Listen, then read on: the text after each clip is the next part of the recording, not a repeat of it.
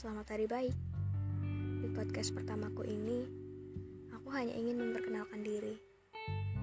Namaku Francisca, seorang gadis mungil yang selalu dikira masih SD.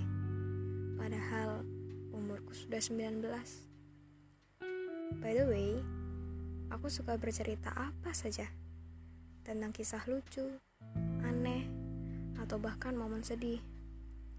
Aku tidak sabar untuk bercerita. Tunggu aku di cerita pertamaku ya.